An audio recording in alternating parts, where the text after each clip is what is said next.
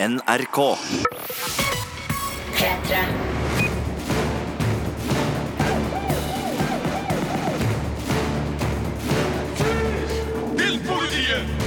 Er på tide å snakke inngående om Star Wars The Last Jedi, og det er det vi har tenkt å gjøre i denne podkasten fra Filmpolitiet.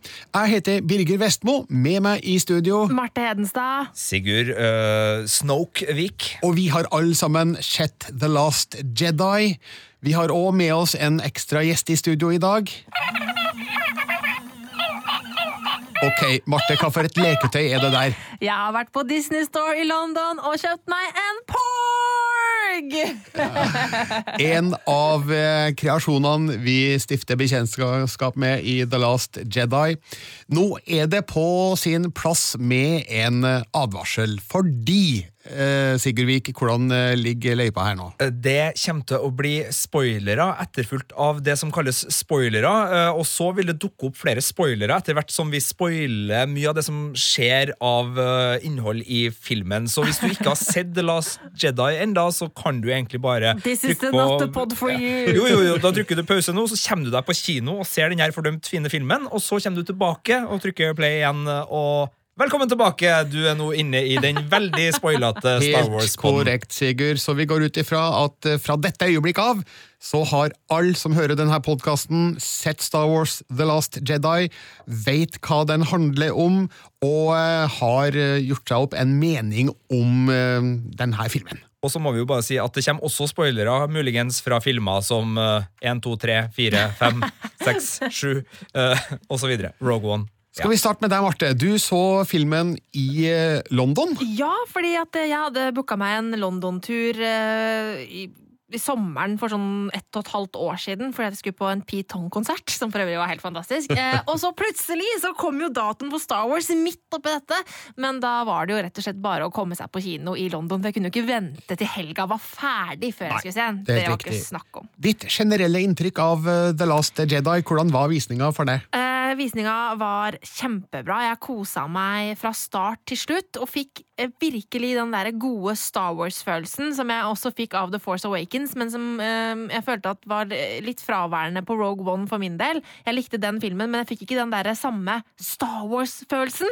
Eh, og det, jeg vet ikke hvorfor, men den fikk jeg i hvert fall nå, og jeg koste meg og gråt og lo og et, var innom et stort eh, spekter av følelser innen filmen var ferdig. Sigurd, hvordan var det med deg og den pressevisninga som jeg vet du eh, så filmen på i Trondheim? Ja, nei, det var en litt for liten sal, selvfølgelig. Det, det var min eh, eneste innvending, eh, sånn egentlig. Det er jo sånn at Star Wars bør oppleves i de spektakulæreste omgivelsene man kan befinne seg i, og det var, var en ganske sånn moderat, vanlig kinosal jeg så den i, men allikevel storkosa meg. Men er nok ikke like begeistra som dere to kanskje, har noen innvendinger, og det her er fælt å si så tidlig i en podkast om noe så fint som Star Wars, men det var øyeblikk der jeg kjeda meg litt. Altså. Altså, det går ikke an Det at du var øyeblikk der jeg kjeda meg litt. Eh, Men Birger, du er jo den eneste Ja. som har sett den to ganger av oss. Ja, eh, Den første visninga var litt spesiell, fordi den foregikk i London dagen før jeg skulle gjøre intervjuer med regissør og skuespillere fra filmen. Og av store flyforsinkelser så kom jeg for seint, og kom midt inne i filmen. Og det var en fullstappa Imax-sal eh, som gjorde at jeg måtte sitte på en kontorstol foran første rad. Og hvis noen har vært i en Imax-sal, så er det et gigantisk lerret og en veldig bratt sal. Ja. Så jeg satt jo da med en sånn skikkelig nakkeknekk da den siste halvparten av filmen, og så eh, The Last Jedi der, og det var jo selvfølgelig ingen heldig måte å se en ny Star Wars-film på for første gang, men det var påkrevd eh, fordi jeg skulle gjøre intervjuer dagen etter. Ja. Men så så jeg jo da den samme pressevisninga som du, Sigurd, og i en litt liten sal, men det var jo en mye bedre visning, og nei, jeg likte veldig godt det jeg så. Har noen innvendinger selvfølgelig som vi skal komme tilbake til etter hvert, men eh, i eh, det store og hele så er jeg kjempefornøyd med Star Wars The Last Jedi. Jeg syns at det er en, som jeg sa i anmeldelsen, en fullblods Star Wars-film der det meste stemmer. Og nei, altså ikke alt stemmer, men det kan det ikke gjøre i enhver film. Eh, Marte, hva syns du var best med The Last Jedi? Åh, hva var best? Um, jeg syns Ok. Få høre.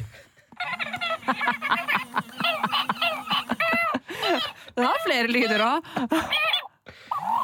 Ok, nei, eh, Jeg digga Porksen, men jeg synes kanskje ikke det var ikke de som gjorde filmen. Det var ikke de som var aller best. Eh, Jeg likte veldig godt um møtet eh, og møtene mellom Ray og Kylo. Eh, Jeg syns den koblingen der fungerte veldig fint.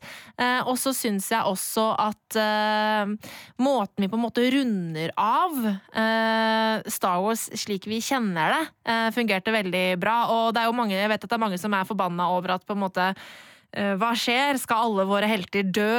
Og eh, hvorfor skal det på en måte bare komme nye rollefigurer? og alt mulig sånt? Men jeg, jeg syns det var en veldig sånn fin avrunding av Skywalker-sagaen, da. Eh, Selv om eh, det er jo fortsatt Leia igjen i filmen. Eh, Men eh, jeg likte avslutningen på Luke veldig, veldig godt. Mm. Jeg syns også at det var en veldig fin avslutning, som eh, vel eh, kan indikere at uh, dette var det for Luke Skywalker, eller har han blitt en så powerful Jedi Knight nå at han egentlig kan gjøre hva han vil, og, og være en deltaker også i den neste filmen? Jeg tenker at uh, jeg tror nok vi får se mer av han kanskje enn eventuelt av Leia, all den tid der har uh, livet utenfor Star Wars-universet satt noen begrensninger som jeg er veldig spent på hvordan de har tenkt å, å ta videre. Men jeg tenker jo, når vi fikk se Yoda, som forresten var veldig fint, jeg likte eh, Yoda godt, uh, gjør det der, og hele den biten med Luke på tampen er jo en projisering av hans Jedi kontroll, at han klarer å være til stede uten å være til stede. Så, så jeg tenker jo, ja, han har tatt en Obi-Wan og, og gone with the wind på mange måter, men jeg, jeg følte vel ikke at det var en definitiv avslutning på Luke Skywalker i, eh, som, eh, som eh, i hvert fall eksisterende vesen da, i, videre i, nei, nei, i han det her ble jo bare i ett med kraften. Eh, Men møtet med Luke Skywalker i The Last Jedi er vel kanskje noe som er litt vanskelig for en del fans, fordi det er en veldig annerledes Luke enn sånn som vi husker han fra den første trilogien. Ja. Han er en mye mørkere figur. Han har mista egentlig all trua på uh, jedi-krafta, og eh, han har gjemt seg vekk på en øde øy. Nå, nå har jeg intervjua regissøren eh, Ryan Johnson om det her, da, så det er mulig at han har lagt litt ord i munnen min her, men, men det måtte egentlig bli slik, sånn som The Force Awakens slutta.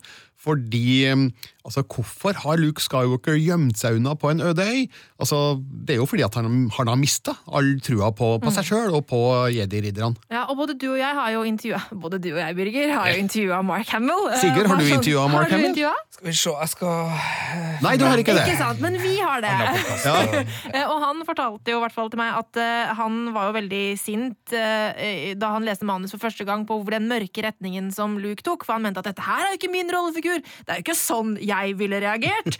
Men sånn etter hvert hvor han på en måte forsto da hvor Ryan Johnson ville med dette, eh, så eh, på en måte ble han helt inni det og var enig i gangen det gikk. Eh, Og jeg, og jeg syns det fungerte veldig, veldig bra, og så syns jeg også eh, måten på en måte vi fikk se den, det der mørket i Luke da, fungerte utrolig bra. på den der, At vi fikk oppleve det fra uh, Kylo Ren sitt synspunkt, og så senere fra Luke sitt synspunkt. Det var utrolig uh, virkningsfullt, syns jeg. Ja, Mark Hamill spiller faktisk veldig godt i Ja, denne rollen. Og bedre enn kanskje forventa, for eh, nå har jo Mark Hamill gjort eh, mye forskjellig etter Star Wars eh, i 1980-åra og 1990-åra. Stort sett voice acting og sånn, men det er ingenting av det som har forberedt oss på at han kunne spille så mørkt og så godt som Mm. Luke Skywalker i, i denne filmen. Nei, han var strålende. Eh, spesielt eh, når han så, Sånn som vi ser han fra Kylo sitt blikk, eh, så, så ser han så ond ut, eh, og, og har et sånt der eh, mørke inni seg som kommer veldig tydelig frem. Um, og så da er det fascinerende å se på en måte, når vi ser det fra hans synspunkt etterpå, at han også klarer å få frem et annen side av det samme, det samme saken. da. Jeg lurer på av og til om eh, JJ Abrams og manusforfatterne av The Force Awakens eh, også hadde planlagt det her, at Luke skulle gå i den retninga, fordi når de utstyrte The Force Awakens med den slutten den fikk, så må de jo ha tenkt litt i de samme banene da, og egentlig lagt løpet for Ryan Johnson. Ja, altså tror vi jeg, jeg, Det hvert fall sånn jeg har tenkt, er at eh, Nå vet jeg ikke hvem det er som på en måte har bestemt det, men at uh, denne her tril nye trilogien har en, en start og en slutt uh, som er lagt, og så er manusforfatterne fra de ulike filmene på en måte får lov å skrive innholdet. Det er sånn jeg har tenkt. Et slags Game of Thrones-problematikk der, med at George R. R. Martin vet hvordan det slutter, Ja. men så får de lov til å Jeg ja. regner med at det er en historie. De kan ikke, de kan ikke lage en trilogi og finne på etter hvert. Men jeg, for å være litt malurten her, da. Jeg syns nå vi ser, og ut fra det perspektivet som Mark Hamill snakka om til dere, jeg syns nå vi ser litt av problemet som vi får ved at trilogien ble restarta på en måte som skulle gjenta hovedhistoria fra den originale trilogien. Og hovedproblemet mitt med det her er at vi har mista så mye imellom. altså fordi den slutter, altså originaltrilogien slutter på et veldig lyst sted, med en seier, og så skal vi liksom komme oss til et utgangspunkt som er likt det som var for A New Hope, eller da den første Star Wars-filmen, og da må liksom alt rekalibreres, og da må det starte på en måte hvor The Rebellion igjen er en liten gjeng som er skvisa, og man har øh, de her utgangspunktene, og det fører jo da naturlig til at Luke mm, Jeg er helt enig med, med Ryan Johnson i at øh, Luke har havna på en plass der vi er nødt til å sende øh, ned på en sånn ferd, og jeg syns Mark Hamill spiller godt, og jeg syns det er en veldig interessant ferd, og jeg er helt enig med Marte, den nesten sånn The Affair-aktige måten å filme Mar øh, Skywalker fra både sitt eget syn og fra andres syn er, er veldig smart, men jeg kjenner nå at jeg, det, er, det er vanskelig for meg med denne nye trilogien å akseptere øh, det jeg ikke vet hva som har skjedd imellom, da, men altså det er en veldig sånn øh, det- er noe som skurrer der Du, med at vi det er flere bøker som har kommet om hva som har skjedd mellom, Jo så da. du kan jo lese dem. jo da, det, jeg, jeg vet det, men, men det er noe med at i og med at førstefilmen spesielt da skal ligne så mye på den andre, så, så er det noe med at Og vi får ikke eh, Filmene gir oss ikke de tilbakeblikkene, så vi, i hvert fall ikke enda, så har vi ikke fått så mye mat fra filmene som, som fyller Ikke nødvendigvis bare plottet, men som fyller litt sånn eh, logikken og, og nyansene i den utviklinga. Så det kjenner jeg at jeg har litt issues med, men eh, det er ikke noe sånn at det er feil, men jeg kjenner at det er noe som uh, It troubles my mind.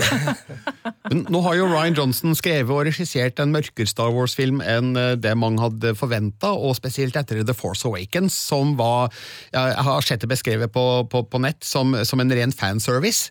Eh, nå har han røska opp og egentlig gjort uventa grep, uh, for eksempel eh, eh, Snoke, som vi da hadde trodd skulle være den store baddien eh, av, altså gjennom hele trilogien.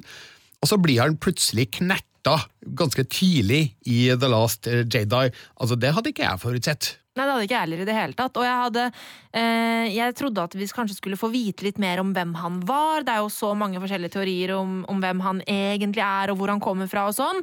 Eh, så jeg var litt sånn overraska over at hans eh, på en måte linje ble avslutta uten at vi fikk noe av den bakgrunnsinformasjonen. Ja, Men jeg syns egentlig det var litt ålreit, fordi Snoke var aldri særlig spennende, syns jeg. Nei, men Det er et av de problemene jeg snakker om. da, fordi at Han har jo tydeligvis vært en sånn bakomorkestreringsfyr i den tida som har gått mellom film tre og, og denne eh, filmen.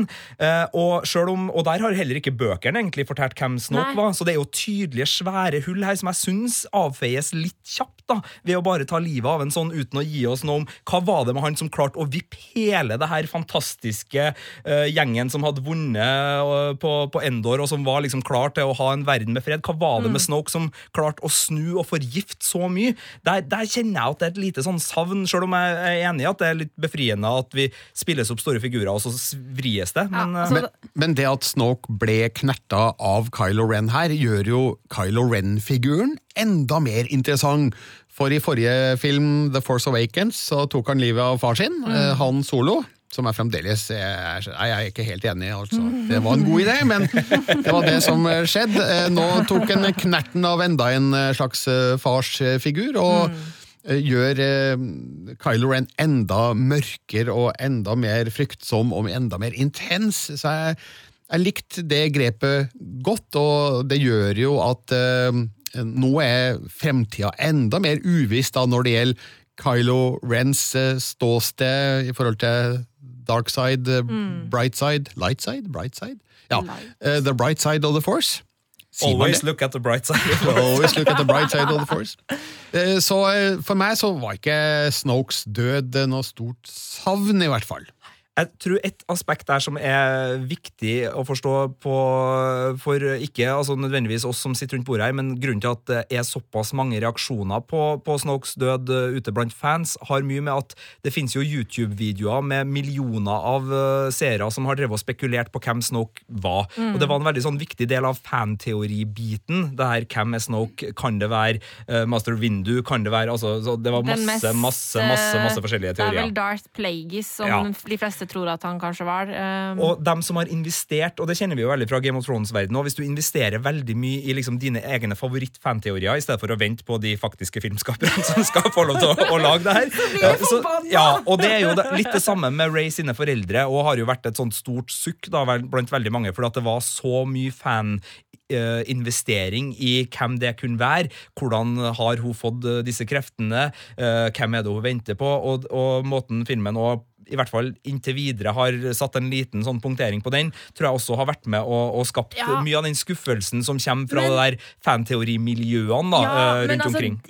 At man ikke får fanteoriene sine oppfylt, det kan jo altså, Det har jo egentlig ingenting med kvaliteten på filmen å gjøre. Det er jeg enig i, men det er allikevel et aspekt. Ja, og jeg kjenner òg litt på det, spesielt med, med Snoke. Ja. Jeg har jo snakka om det i Game of Thrones-poden vår tusen ganger, at jeg blir sur fordi jeg føler at de lurer oss. ikke sant? Ja. Men jeg syns at det var kult at uh, Ray innser, uh, når Kylo Ren sier det, at hennes foreldre ikke var noen. At de var mm. noen uh, junk traders, eller hva det jeg husker ikke helt forklaringa der, ja. som bare solgte hun for drikkepenger. Mm. At, at, altså, at det ikke var en Skywalker eller en Kenobi-tråd der, men at hun er en anybody.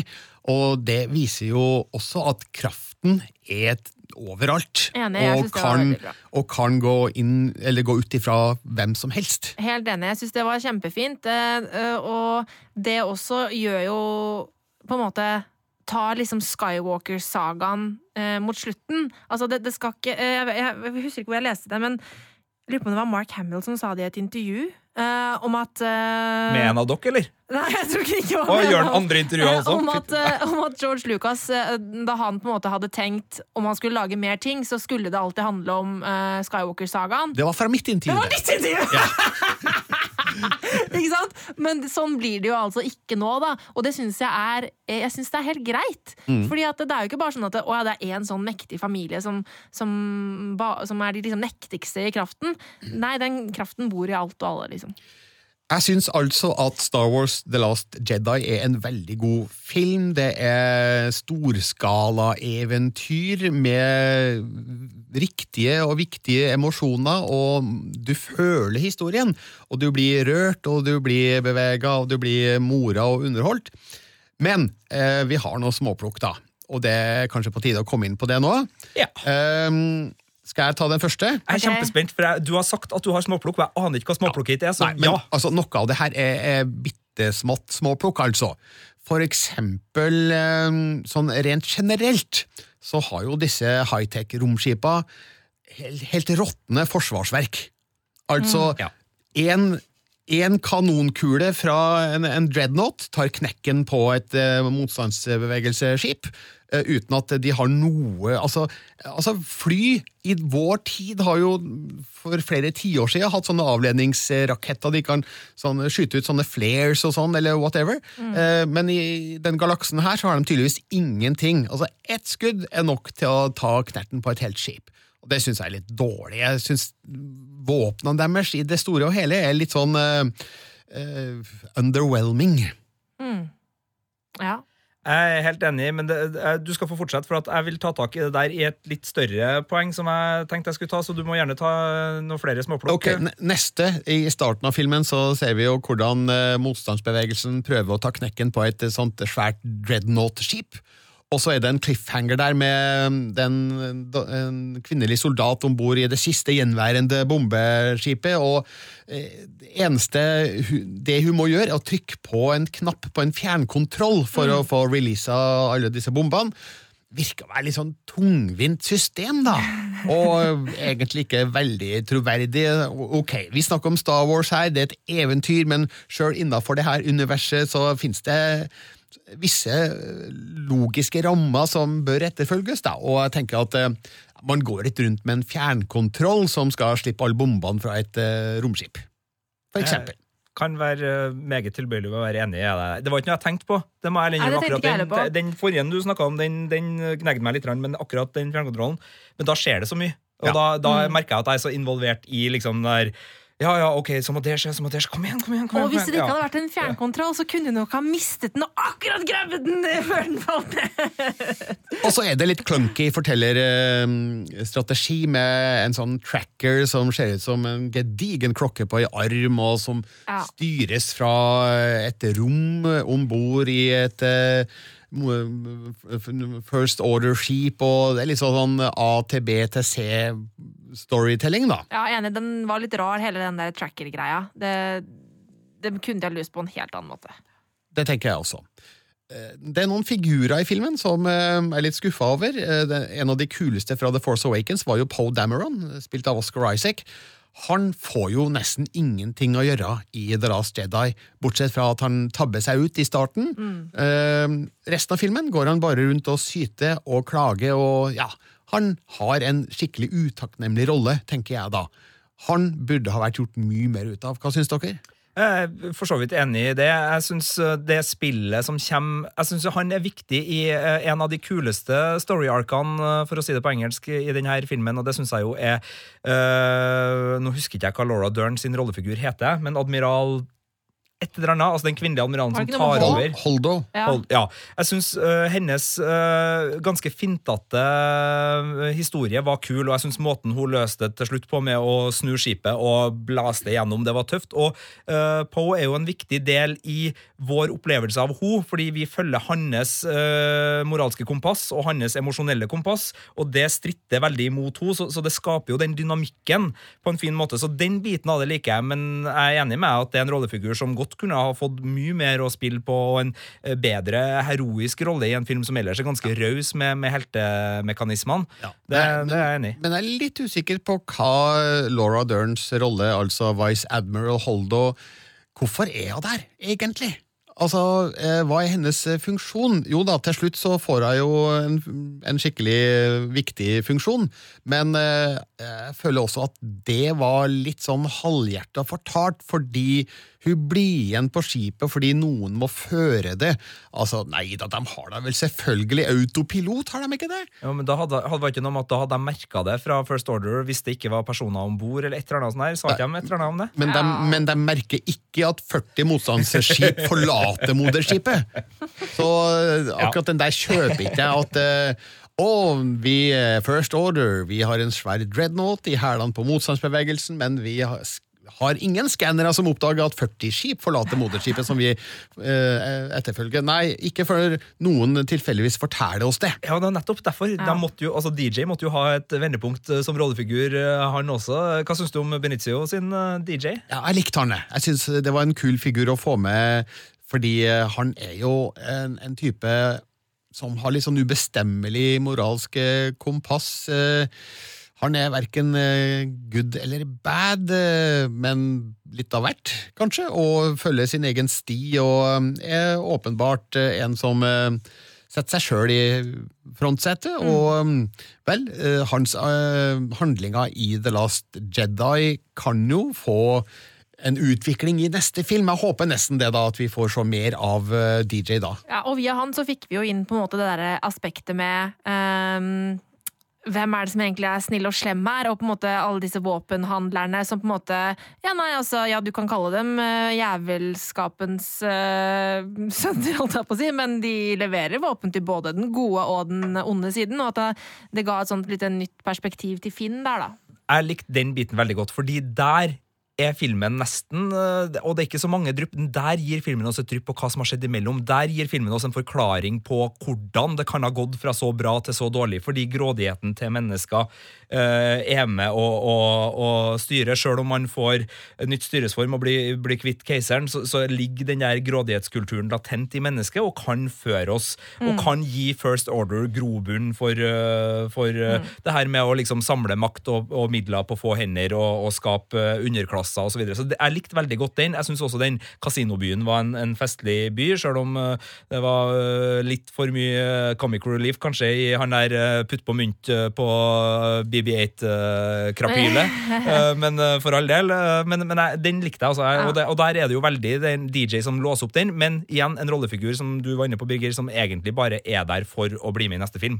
Ja. Uh, syns jeg. Men det, jeg kosa meg gløgg i hjel av The Last Jedi og syns det er en kjempefilm. Eh, hvis jeg skal på en måte trekke for noe, så er det kanskje det at eh, alle disse tingene som jeg snakket om som er positivt, at det, det får litt lite plass. Jeg syns ofte de haster litt gjennom det, sånn som, sånn som, det med Finn og DJ òg. At det, det, kunne vært utforsket mer. At det er veldig mange ting her som kunne blitt utforsket litt mer, da. Um, men som på en måte Det hastes videre til neste actionting. Um, men sånn er det jo når man skal fortelle mye på én film, da. Men uh, det er på en måte det jeg syns jeg syns av og til det gikk litt fort i svingene, men jeg er egentlig bare alt i alt dritfornøyd. uh, har du flere småplukk? Nå kan du gå i gang, Sigurd, med ja, din liste. Det, da, nei, ikke, jeg skal ikke så mye på liste, men det er en, en sånn overbærende ting som, som, stammer fra det første småplukket ditt, og som jeg er spent på hva dere tenker. Fordi det med at det må skje på akkurat den måten at et fly ikke kan ha det forsvarssystemet, er jo fordi at det skal ligne på noe vi har sett før. Altså, det skal ligne på forløperfilmene. Og denne filmen, selv om den ikke var Empire Empire Strikes Back i samme grad som uh, Force Awakens var A New Hope, så var det ganske mye som ligna også denne gangen. Uh, både når det gjelder hvordan man må gå gjennom et uh, trangt smug hvis man skal bli Jedi-ridder og være alene på en øde planet sammen med læremesteren sin, hvordan man skal bo på en Altså hvordan Dreadnoughter og andre skip skal dukke opp foran en Rebel base som er isolert og som må flykte fra en planet. Altså, det, det var en del ting som gikk igjen. Eh, hva syns dere? Jeg syns det blir litt mye. Jeg syns det er så mange føtter å stå på her at de nesten nå burde ha begynt å, å lene seg mindre på den der Star Wars-følelsen og nostalgien og gjenbruket. Samtidig så skjønner jeg jo Jeg føler ikke at du gjorde det i så stor grad, sånn som deg. Nei, jeg synes Det var flere ganger jeg liksom tenkte at OK, det, ja, jeg, jeg syns det blir litt mye, da. Jeg, jeg, jeg, jeg syns ikke det er nødvendig. Nei, Jeg skjønner hva du sier, men eh, det er en gjenkjennelseseffekt da, som er ute og går her, som kanskje man er litt avhengig av for å få den store Star Wars-følelsen. Så jeg eh, reagerte ikke negativt på det. Altså, hadde... Jeg syns det var så mye finere, sånn som det subtile hintet som jeg og Marte snakka litt om, når den der eh, Starfighteren havner ned i vannet på, på Irland, holdt jeg på å si. X-wingen som ligger ja, i vannet. Ja. ja men den blir ikke heva opp. Og da, da, er det litt sånn, da er det subtilt, da er det et sånt fint lite hint tilbake til, til det gamle. Men når liksom ting skal gjentas i sin helhet, nesten, eh, og at scener speiler hverandre, da syns jeg det blir unødvendig mye. altså. Jeg syns ikke det var så likt som, som Jeg syns Force Awakens var mye, mye ja, ja, ja. likere enn New Helt Hope. Jeg, jeg, jeg, føler ikke at eh, Altså, Vi er jo på, i et univers eh, hvor det, det handler det, altså, om det, skal... rebell, rebeller mot et eh, altså, da, da er på en måte hele settingen med at det er rebeller mot et stort empire. Da er hele det nei, nei, nei. på en måte blir for likt. For det er ikke det jeg snakker om. Jeg snakker om uh, altså at ikonografien er den samme. Sånn som det med at det må slippes bomber inn i et svakt punkt på én ja. ting. Det at Rebel-basen nå er nesten som på planeten Hoth. Det er akkurat samme greia. Det er en svær dør foran. Altså Det er det jeg mener. at okay. De trenger ikke at alt skal ligne så jævla mye på hverandre hele tida. Nei, men jeg forstår hva du mener. Jeg er jo også litt overraska over at uh First Order har like råtten angrepsteknikk som, som imperiet. Ja, la oss sette ned svære, tunge beist eh, flere mil unna døra, så går vi sakte mot. Ja, Ikke akkurat noe surprise attack eh, der. Nei, og det var jo ting som Nå må dere hjelpe meg, for jeg er litt ubrukelig i Star Wars sammenligna med dere. Men det at disse Attatene, eller mm. Attat-variant MK2, kom dem inn i Empire Strikes Back også? Var det første gangen vi så dem? Ja, altså det var da de angrep eh, ja. Rebel Base på planeten Hot. For det var jo en sånn ting som ligna veldig mye, da. Ja da. Så, så, ja. Helt men, klart, men ok, jeg skal, jeg skal slutte å, å ri. Helt klart en, en, en, linje der. Uh, ja, Det er også en ting som irriterte meg litt. Uh, det angrepet mot den uh, rebellbasen. Altså, først måten de kommer seg dit. Altså, Crate heter vel den planeten der de etter hvert havner. Mm. Men hele veien til Crate skal av en eller annen grunn holdes hemmelig for Poe. Som jo da øh, arresterer Holdo på et øh, tidspunkt. Ja. Begår rett og slett mytteri fordi ingen finner det for godt å fortelle han hva de egentlig skal. Og hvorfor, Ja. hvorfor skal det være Ja, hemmelig? Det, det er jeg enig i. Det syns jeg også var litt rart. Og så på en måte den eneste forklaringen jeg på en måte kunne bruke det for meg selv i hodet, da, var at nei, du er på en måte nå demoted, så det er ikke noe viktig, så du trenger ikke vite dette. Vi gidder ikke fortelle deg det, dette, liksom. Men det er jo en veldig sånn rar, eh, rar Ja, Jeg skjønner ikke hvorfor det skal være hemmelig hvor de er på vei hen, siden det stilles veldig sterke, klare spørsmål rundt eh, taktikken her, eh, Mm. Enig, ja. i og med at de har First Order i ræva. Skal jeg være super velvillig mot uh, filmskaperne og si at kanskje det er på en måte en slags test for Poe? At uh, den er liksom lagt inn der for at de skal liksom gi han en liten sånn der lærepengegreie, Ja, altså det, det, var sånn jeg også følte at det var Ja. litt sånn eh, Nå har du fucka opp så mye at eh, du skal ikke få vite noe, du lille Nei, og drittunge-type. Og så må du lære deg at du du ikke skal gjøre mytteri ved Ja. å gjøre et mytteri, så vi kan forklare deg hvorfor du ikke skal Ja, gjøre mytteri etterpå. det, det var jo litt sånn der, også hele den greia når Leia våkner igjen og og hun og Holdo liksom snakker om på, og, så- og så er hun liksom eh, Holdo er liksom sånn Ja, jeg liker den, jeg. Jeg liker den. Og så har hun på en måte vært så hard mot den hele veien. Og, og kommer inn og skyter med en stungun. ja. Litt sånn overkill-reaksjon, eller? Eh, hva forresten, mens vi er eh, i det, i det landskapet der, eh, hva, hva syns dere om Leia sin space walk? Ja, Det var et sterkt øyeblikk, eh, fordi som vi alle vet, Carrie Fisher er død, Mm. og man fikk jo hjertet i halsen her og tenkte at er det nå Leia dør? Jeg trodde det. Er dette Carrie Fishers store send-off fra hele Star Wars-sagaen? Jeg var overbevist om det. Jeg gråt ah, ja. altså så mye.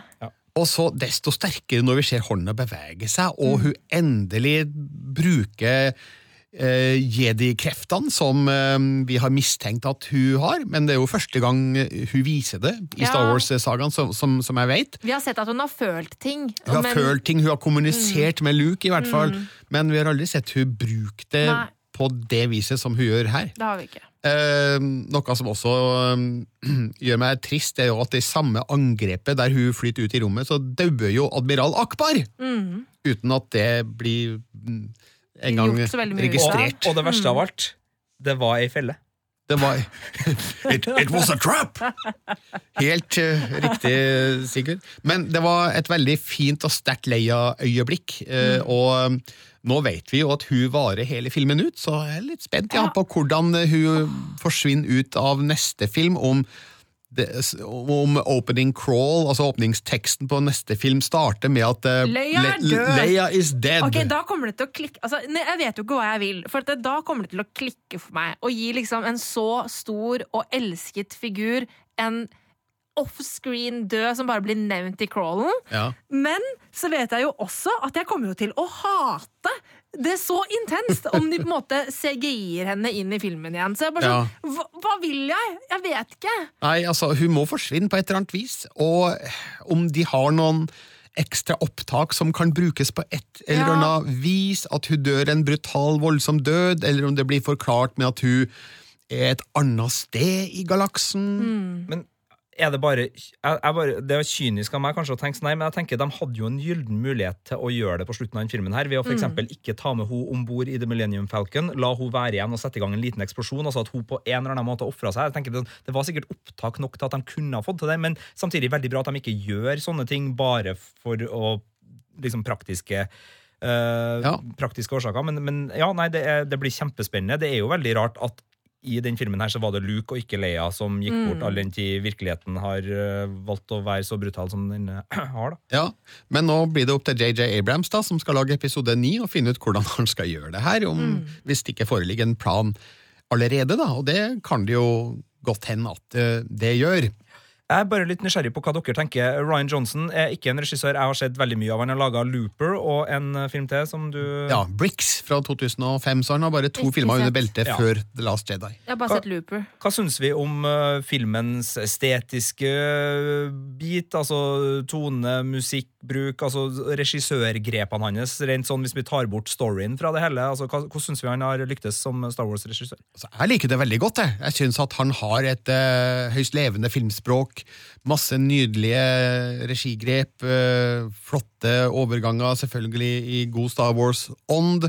Og han holder handlinga rullende gjennom eh, hele filmen. Den er jo to timer og 20 minutter lang. Og ja, ja, mulig den kunne vært trimma ned litt. Jeg vet du, Sigurd, du sa jo at du kjeda deg litt iblant. Det, det gjorde ikke jeg, altså. Ikke jeg. Jeg rakk aldri å, å kjede meg, og tenkte aldri over at det her var Oi, det var en lang film. Jeg, jeg, for å oppklare det, De få øyeblikkene jeg kjeda meg, var når jeg liksom følte på at nå driver Star Wars og gjentar historien for Men meg. når var det liksom eh, Altså på Rebel Basen og sånn? Var det Ja. da? Men da var det jo før- så spennende! Nei, ja, men det er nettopp det, da. At selv om det er så spennende, når det ser så likt ut Sånn som når de skulle da hatt den her sånn Å, bare slapp av, vi har ei stor ståldør. Så, da liksom bare kjente jeg på sånn Ok, så vi skal gjennom denne kampen, ja. Ok, greit.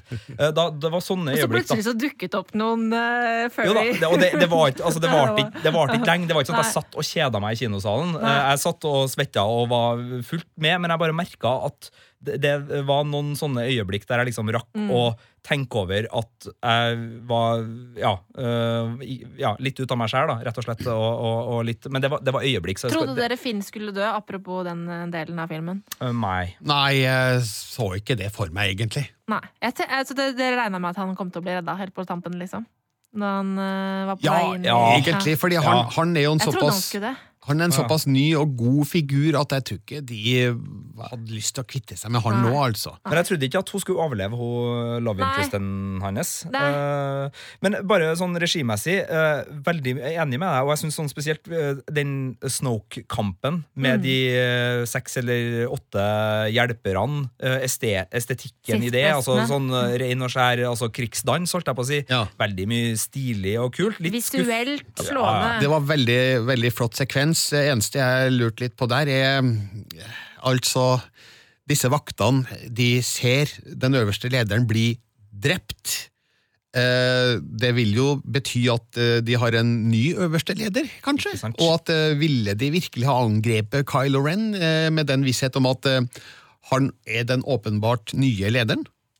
Det må være en slags det, Er ikke der Nå vet ikke jeg da hvem de her er, men de er jo uh, Sittprester. De er sittprester, altså Har ikke de en allegiance som går utenpå kommandosystemet i The First Order, her, som er handler om å, å hevne sin men, men, Hans mes deres Ja. mester. Hvis vi skal pirke borti der, så er det flere ting jeg ikke likte med den sekvensen med tanke på styrkeforhold, og jeg syns jo at vi, vi ble litt sånn robba på skurkesida i den filmen her, litt sånn hardt, selv om jeg liker måten uh, sluttproduktet er, at vi får en styr styrka Kylo Ren ut av det, så syns jeg liksom måten både de øh, tok unna og, og liksom Altså, vi gikk fra å ha et veldig bra styrke, skurkegalleri til å ha et veldig uh, enten-eller-skurkegalleri på, på veldig kort tid der, men, øh, men det får så være. Men jeg syns sjølve slåssinga var dritstil. Ja. Eh, Nå springer vi litt frem og tilbake i filmen her, eh, folkens. Beklager det. Men eh, altså Det at eh, Ray og Kylo Ren eh, knerter disse eh, Sith-prestene så ettertrykkelig, det er kult. Men hvordan Ray blir så flink jedi-ridder på så kort tid, det er mm. den ting jeg lurte litt på. Fordi ja, Luke Skywalker går jo etter hvert med på å, å gi henne tre leksjoner. Jeg vet ikke om det ble det én? Det var mer som Tre nøtter til Askepott, og så gikk jeg etter første nøtta, ja. Ja, altså, det, det ble ikke den helt Ballet store. Jeg så for meg en training-montasje jeg nå, da. Eh, og ja, det, det blir noe seipende musikk her, og hun står og fekter ved en stein Ja. som hun etter hvert uh, knerte.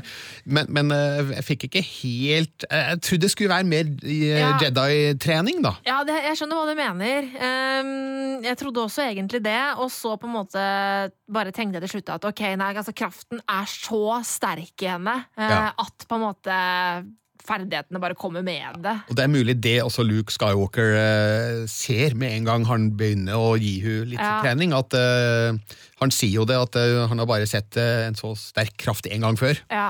Og at det skremte han ikke da, men det gjør det nå. Jeg synes det er sånn Det er å håne Yoda litt. Altså, du har jo møtt Yoda, liksom. Jo, Altså, har du ikke sett så rå kraft noen gang? Hæ? Eh, eh, det minner meg om en annen ting. Eh, Yoda dukker plutselig opp. Eh, hvor har han vært de siste 30 åra? Når Luke har gjemt seg unna på denne øya, burde ikke Yoda komme tilbake litt før for å få Luke i aksjon igjen?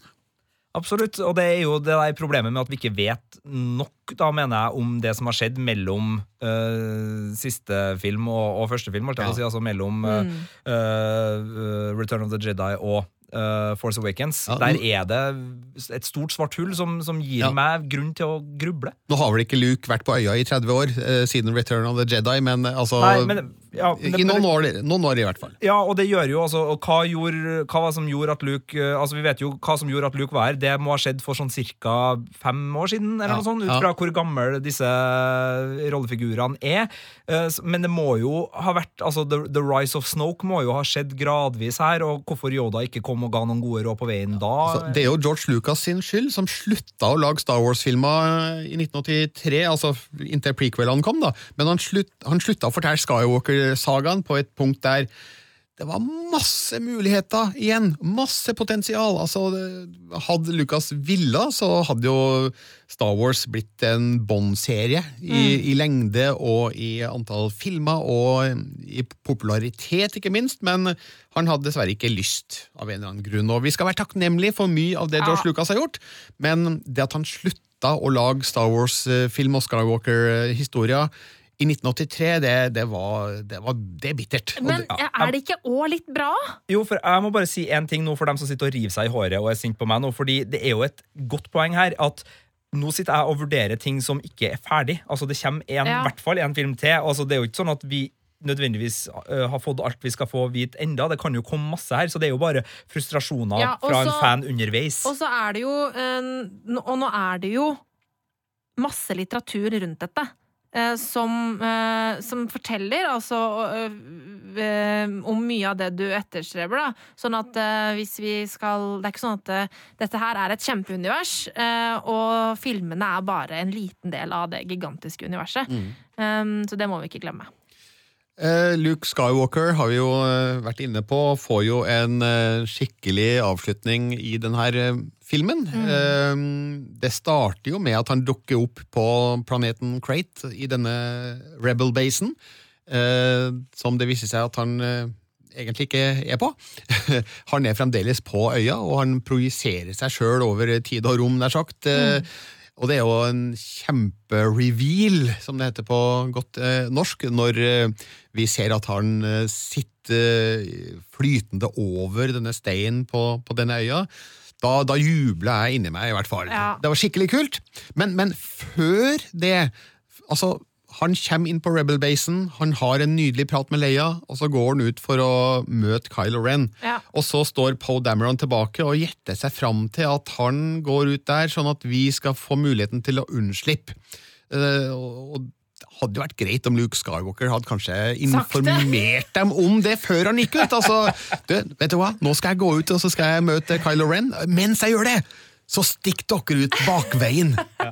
Hadde det ikke vært greit om han hadde fortalt dem det, istedenfor at de skulle bruke dyrebar tid på å prøve å finne ut av det her sjøl? Pluss pluss at han spiller dem jo et puss, fordi at de resonnerer jo seg fram til at han må ha kommet inn en plass, så det må finnes en bakdør. Ja. Det fantes jo visselig ikke en bakdør. Eh, Nei. Det var et bakgløtt, eh, hvis vi skal være rause, eh, der de måtte få, Ja. få ekstern hjelp. Det var jo en bakdør som var rast igjen. Jo, jo, men det var ikke der Luke Ja, ja. Nei, ja. Og så videre, og så videre. Men sjøl om det var veldig fint å se Luke få den sortien han gjorde, hadde det hatt noe stor forskjell om han faktisk hadde vært der og bare tatt en Obi-Wan der og da? I stedet for? Altså, han Nei. Jo, jo, jo, jo, for Kylo. Fordi Kylo vet jo ikke nå at eh, Luke er død.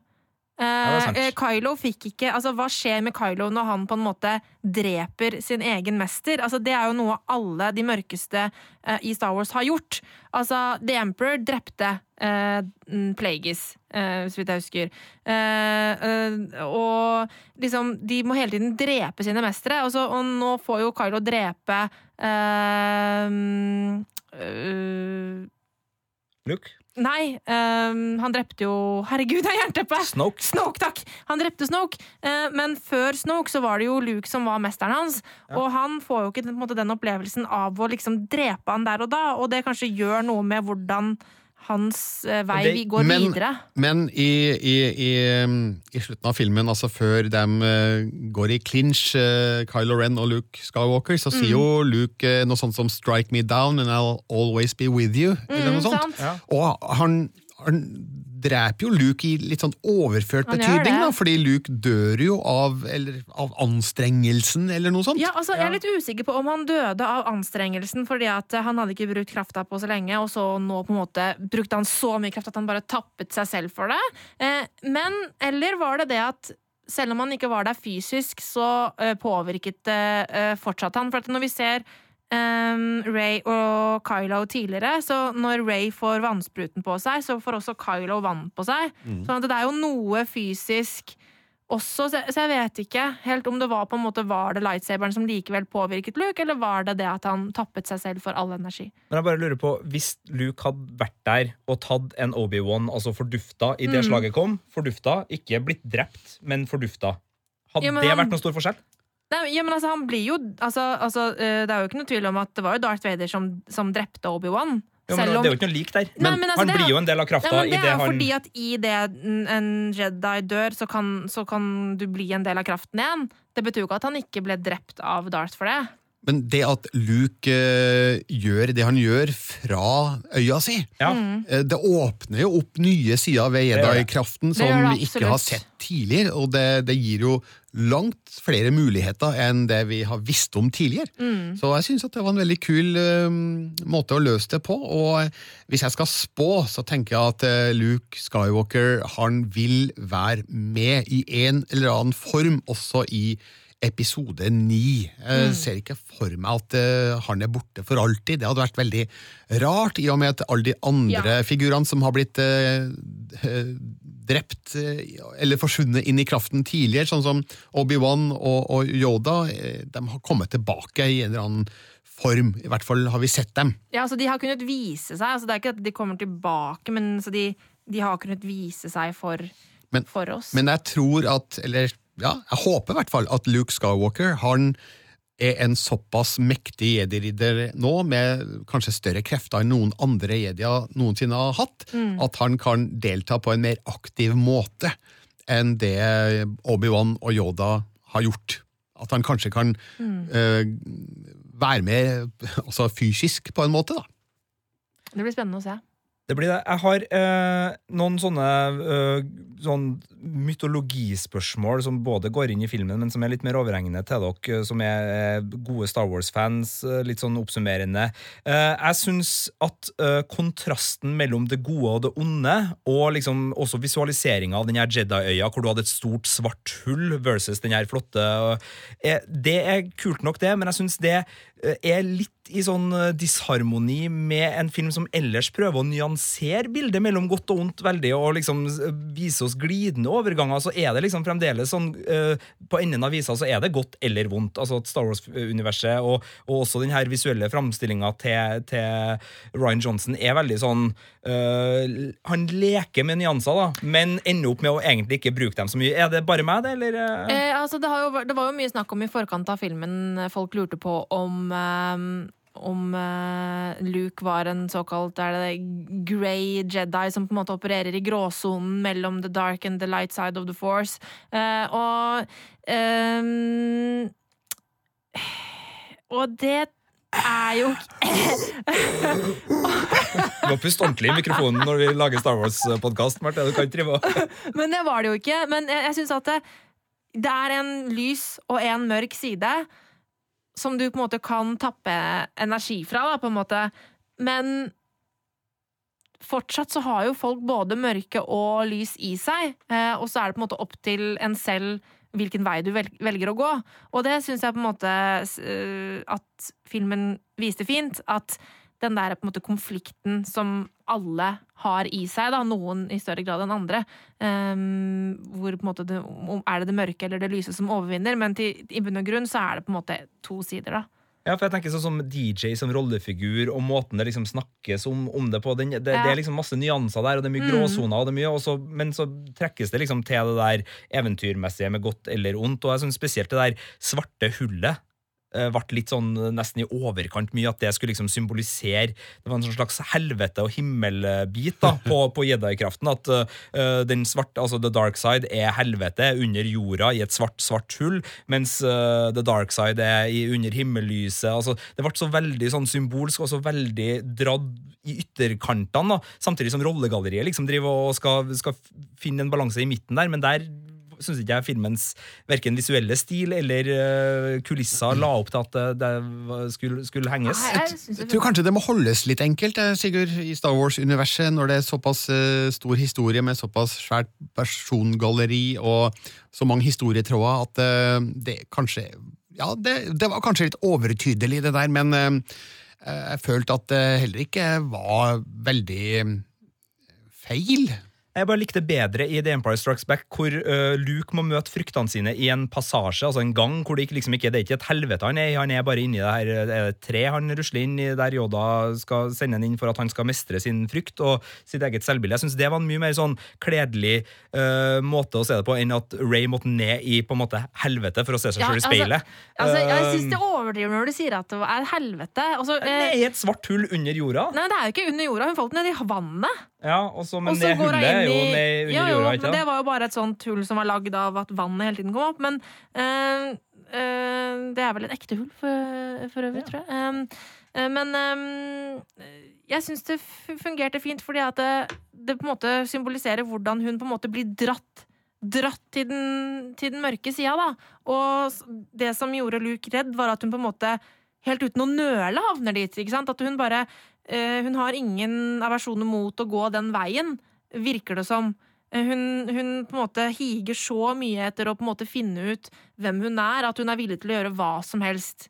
Eh, Og det syns jeg den sekvensen viste veldig bra. Jeg tenker at Hun kan få problemer med The Dark Side. Altså, hun har jo åpenbart en sterk tilknytning til den også, eh, som eh, gjør at hun mm, kan få problemer i neste film, for alt vi vet. Nå heller hun seg på riktig side av kraften i denne filmen, og mm, vi ser jo hvordan Kylo Ren eh, er på glid. Og jeg tenker at hvis Luke Skywalker henger på han i neste film, så kan han muligens la seg omvende, men det er veldig, veldig på spekulasjonsstadiet, selvfølgelig. Ja, jeg føler at han er som et sånt Han er et såra barn, da, som, som hver gang han blir forlatt, bare på en måte blir på en måte føler seg mer og mer forsmådd, og da på en måte blir mer og mer sint. Han har jo et enormt raseri, og som vi alle vet, mm. så anger leads to suffering. Eh, så Ja. eh, jeg tror nok at han kommer til å havne helt over på jeg tror, tror, Nå tror jeg ikke det er noe til vei, tilbake for det, Kylo. det jeg savner litt, er jo litt forklaring på hvordan ble Kylo Ren sånn? Mm. Altså, Var det så fælt å være sønn av eh, Han og Leia? Ja, nei, altså Jeg føler nok at eh, Snoke har hviska han i øret lenge, over lengre tid. er i hvert fall mitt inntrykk, da. Ja, At- litt sånn type du, du blir ikke verdsatt nok, du har, de, de Ja, altså- har ikke respekt for deg. Altså, litt den der som Anakin Mm. også hadde. da. Eh, og, og spesielt der med at bestefaren din du gjør, blir like mektig som bestefaren din, må jo være et Altså, aspekt her. jeg at føler det- litt at Snoke har vært litt som wormtang eh, i Lotter. Bare for nok en gang dra en Lotter-referanse. At han har liksom hviska han i øret hele tiden. Og sånn som Luke også sier jo at han, har, han, han hadde vært under influ eh, Snokes influence mye lenger enn han hadde trodd. eh, og at han har på en måte da kommet mye lenger mot the dark side, da. Hvem er Snoke, da?! Det får vi aldri, aldri svaret på, Sigurd. Jeg ser på boxofficemojo.com, som er et nettsted som har oversikt over eh, hva filmer tjener inn av penger. At uh, worldwide så ligger Star Wars eh, The Last Jedi eh, nå på 450 millioner dollar.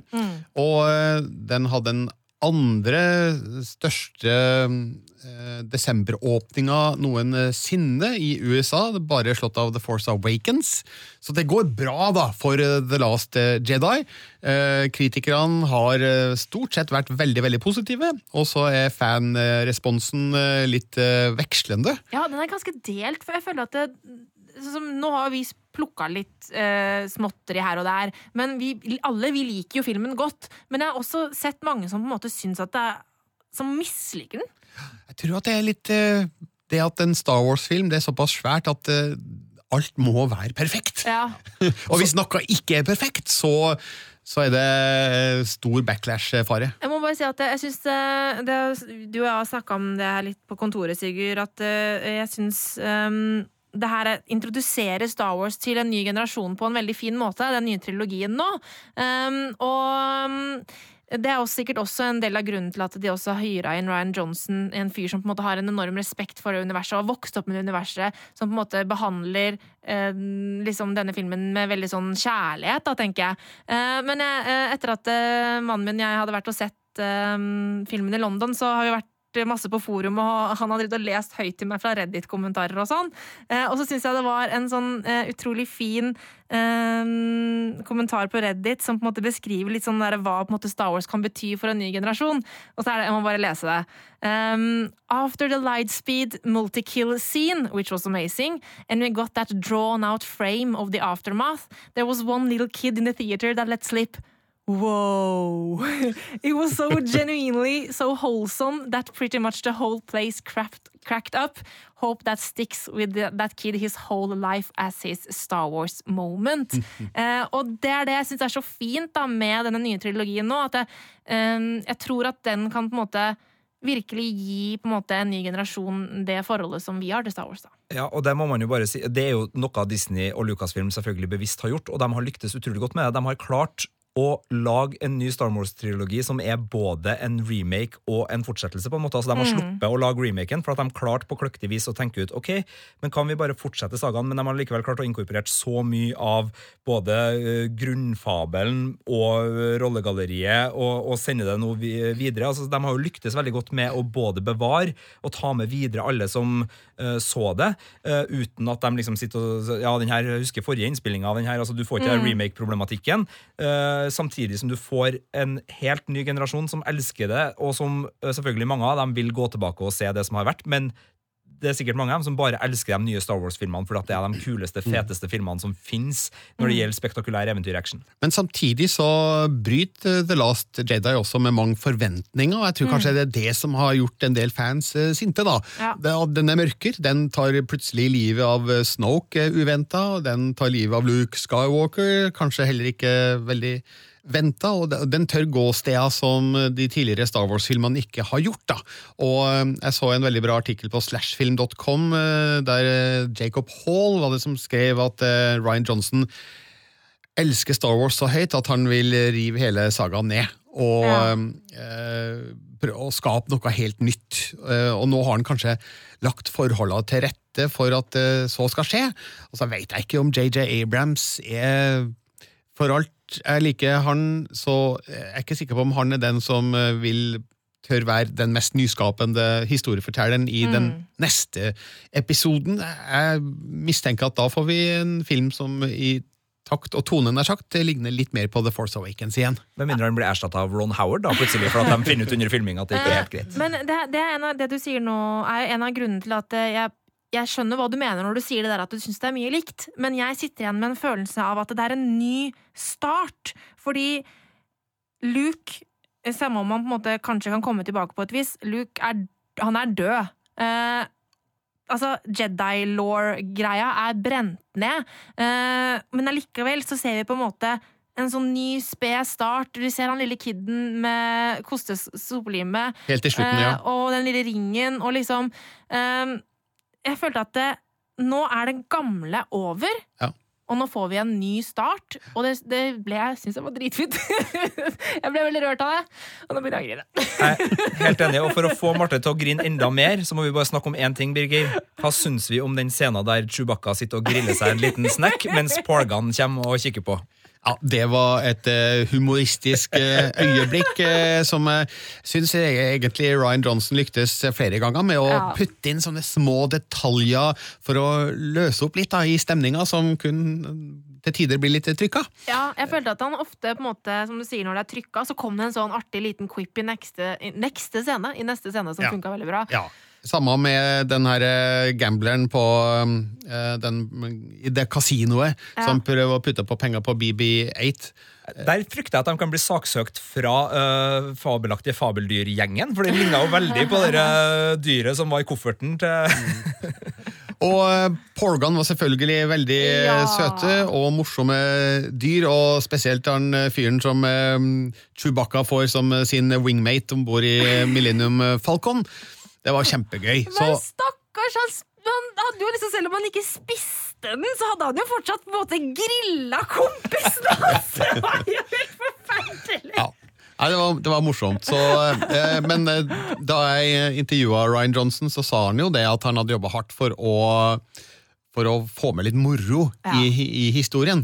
Eh, hver gang det ble litt for eh, seriøst eller alvorlig eller trist, så måtte han ha med et eh, humoristisk element da, for å veie opp for eh, det triste og alvorlige, og jeg syns at det fungerte veldig bra veldig ofte. Ja, fordi at altså, Den originale Star Wars-trilogien Den er jo morsom og lun. Eh, sånn at det hadde jo blitt helt feil hvis jeg hadde fått en Star Wars-film som var såpass mørk som den er nå, uten noe av, av den komikken. da. Det hadde blitt veldig dystert. Ja, og grunnen til at vi sitter og kritiserer det her, er jo fordi vi elsker det her. Det er jo fordi at vi har så utrolig mye følelser og, tankevirksomhet investert i det universet at vi vil at det skal være på bestemte måter. Jeg elska nok The Force Awakens eh, hakket over eh, The Last Jedi, men jeg har sett The Force Awakens flere ganger enn The Last Jedi, så jeg skal gi eh, den siste filmen en ny eh, sjanse ganske snart. eh, For jeg må ha med meg mine unger på kino. Og så er det vel Blu-ray og DVD om et halvt års tid, tenker jeg. Så det, det blir bra. Vi, vi skal nok eh, overleve og, og se The Last Jedi flere ganger, men eh, hvor vil dere rangere den i Star Å, Wars-sagaen? Jesus, det var vanskelig. Herregud, så sykt vanskelig. Um, Bak originaltrilogien. bak originaltrilogien, ja. Ja, ja, ja. Um, jeg har også The Force Awakens eh, foran. Og så uh, har jeg ikke helt bestemt meg om Rogue One ligger rett før eller rett etter The Last Jedi, for den må også med. Og så eh, prequelene da på slutten, mm. med, mm, ja. med Revenge of the Sith, uh, Phantom Menace og Attack of the Clones da helt til slutt. ja åh. Jeg er enig. Jeg er enig i den rekkefølgen på prequelsen. altså. Ja. Why so missa to the end? nemlig. nemlig. Så, så den, den er sånn midt på treet, det hørtes så veldig negativt ut, da, men eh, i Star Wars-saga-sammenheng så er den eh, cirka midt mellom. eh, Den aller beste, som er Empire Strikes Back. Du så jo alle filmene på, på rad her, du. Det er helt riktig. For en måneds tid siden så, så jeg alle sammen. På én helg. Eh, Det var kjempeartig. Men da så du med Rogue One også? Ja, da, så, da så jeg med Rogue One, ja. Ja. Mm. Det var en nydelig overgang mellom Rogue One og uh, A New Hope, fordi uh, den overgangen der er jo sømløs. Ja. Uh, Rogue One slutter akkurat der A New Hope starter, så det var morsomt å se de filmene back to back. da. Det Jeg anbefaler alle å gjøre det. Og det er jo litt av et tre. Den havner midt på treet av, da. Det skal Absolutt. sies, Sigurd. Har vi snakka oss ferdig da på Star Wars-fronten? Eh, nei, men vi kan kanskje runde av podkasten for det. Det er på tide å gjøre det fordi uh, podden begynner å bli lang. Men Minne om intervjuene som eh, du har gjort med hele gjengen, også er på podkast her hos eh, Filmpolitiet. Det er bare å gå tilbake og se på, på lista, så ser du at det står 'Vi har møtt Luke Skywalker' på en av podkastene der. Der ligger alle intervjuene. Følg oss også på p3.no Filmpolitiet. Der ligger alle våre anmeldelser. Eh, gi oss gjerne en rating og en anmeldelse på eh, det stedet der du henter podkaster, fordi vi vil gjerne at enda flere skal oppdage podkastene fra oss i Filmpolitiet. Vi som har snakka om Star Wars i dag, Sigurd Vik. Marte Hedenstad. og Birger Vestmo. Og jeg vet ikke om vi skal si det. Blir, det! blir det for teit å si det? Nei, det blir ikke for teit. Skal vi si det i lag? Ja. Én, to, tre. May the force be with you. Du finner flere podkaster på p3.no podkast.